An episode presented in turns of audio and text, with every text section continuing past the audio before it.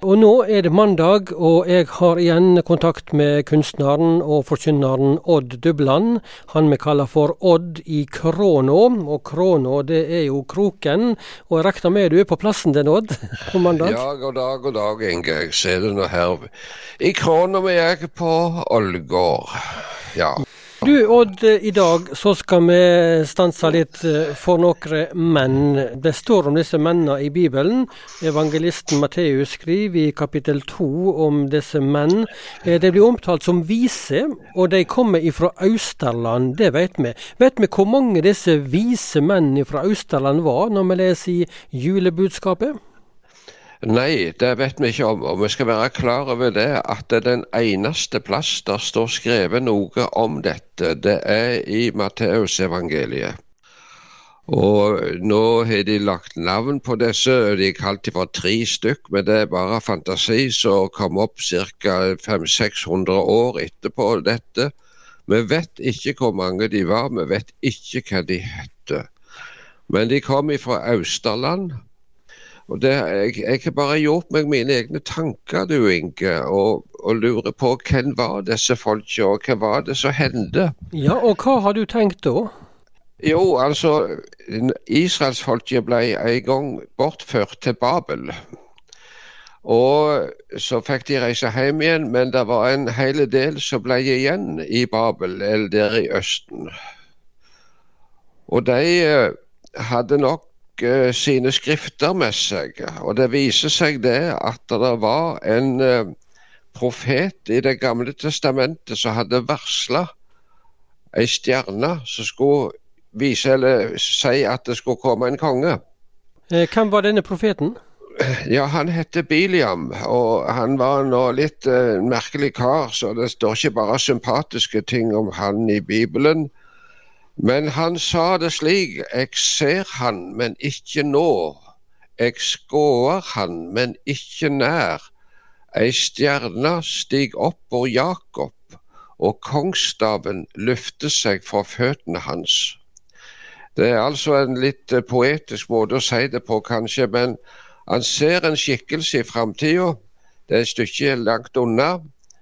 Men det er ei stjerne som stiger opp og Jakob, og Jakob det er et navn på Israel. Og en kongstav løfter seg fra føttene hans, altså her er snakk om en eh, jødisk konge. Og så er det da spørsmål var det dette verset disse vismennene kjente til? Ja, hva tror du om det? Jeg syns ikke det er så us usannsynlig, det.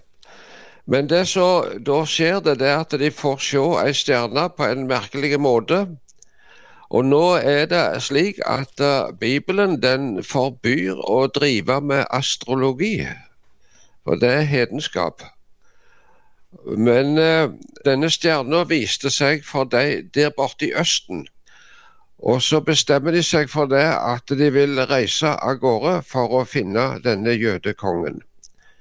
Nå er det de som mener at det var snakk om stjernekonstellasjoner og konjunksjoner på himmelen.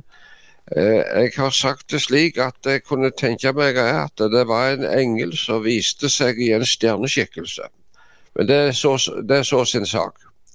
Men så kommer vi til et punkt, du Inge. Disse bryter opp altså fra Østen for å reise til Israel, til Jerusalem. Og det kan ha vært ei reis som varte ganske lang tid. Og hva denne stjerna hadde synt seg, det får vi et lite innblikk i. For når de kom fram til Jerusalem, så kom de i snakk med kong Herodes, og han spurte nøye ut om tida da stjerna hadde synt seg. For de reiste rett til kongen, de, for de trodde at ja. dette barnet var der, da? Ja, selvfølgelig tenkte de det, at uh, Jerusalem det var der som kongen bodde. Så hvis det skulle være en jødisk konge, så måtte det være der. Men det er et poeng her som vi skal være klar over. Så hvis vi leser Bibelen litt nøye, og det bør vi gjøre, så viser ikke stjerna seg på hele vandringen fra Østen til Jerusalem. Det der er et viktig poeng. Og så kommer de fram til Jerusalem, og så spør de hvor er den jødekongen som nå er født? Og Herodes blir sjokkert. Hele Jerusalem med. Og det blir forvirring. Og disse vise menn, kanskje de var en smule skuffa i øyeblikket, for det var noe rart de ikke visste det. Ja, det vil jeg kanskje tro at de var, altså. Ja. Vet ikke det at det er kommet en jødekongen har Og så kunne kanskje tanken komme Vi har kanskje reist forgjeves. Ja. Men så, så fikk de nå greie på det fra de skriftlærde i Israel, at det var i Betlehem at han skulle bli født. Og så kommer viktig, en viktig opplysning. Da de hadde hørt på kongen, da fikk de se stjerna som de hadde sett i Østerland. og kom opp.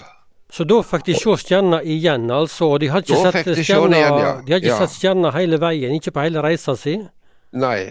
Eh, liksom, hvorfor, hvorfor, er det et viktig poeng, eh, tenker du?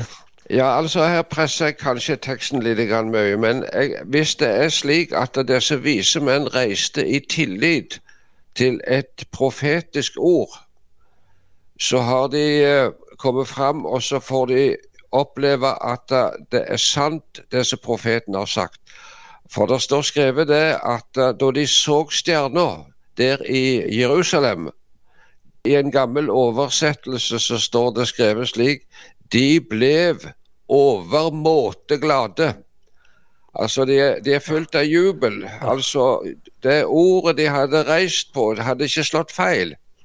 Og det er de siste kilometerne mellom Jerusalem og Betlehem at stjerner viser veien.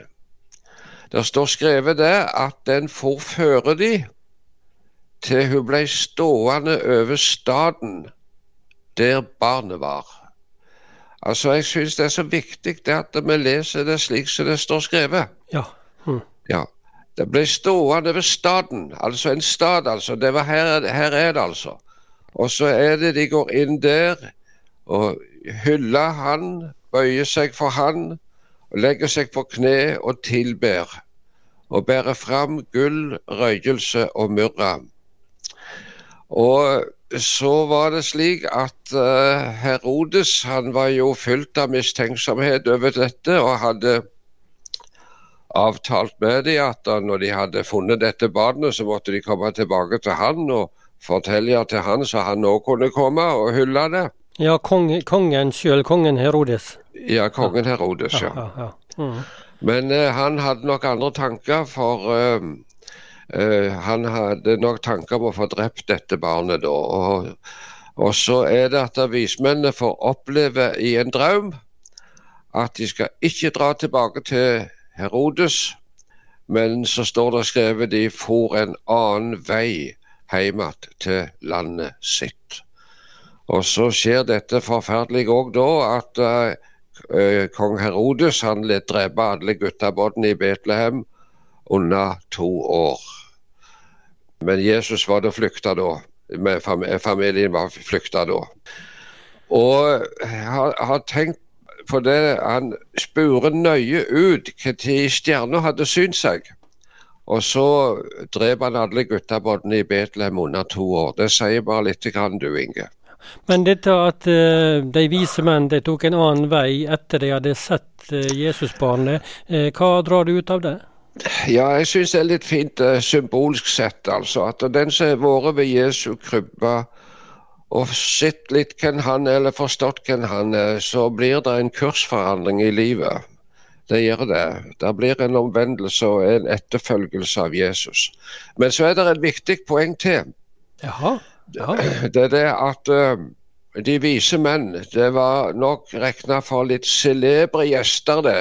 Flotte folk det var et stas at de skulle komme. Og hadde eh, Messias, Kristus, vært født i Jerusalem, i kong Herodes sitt palass, så hadde de vise menn fått kommet inn under pomp og prakt og store ære, så de kunne hylle denne kongen.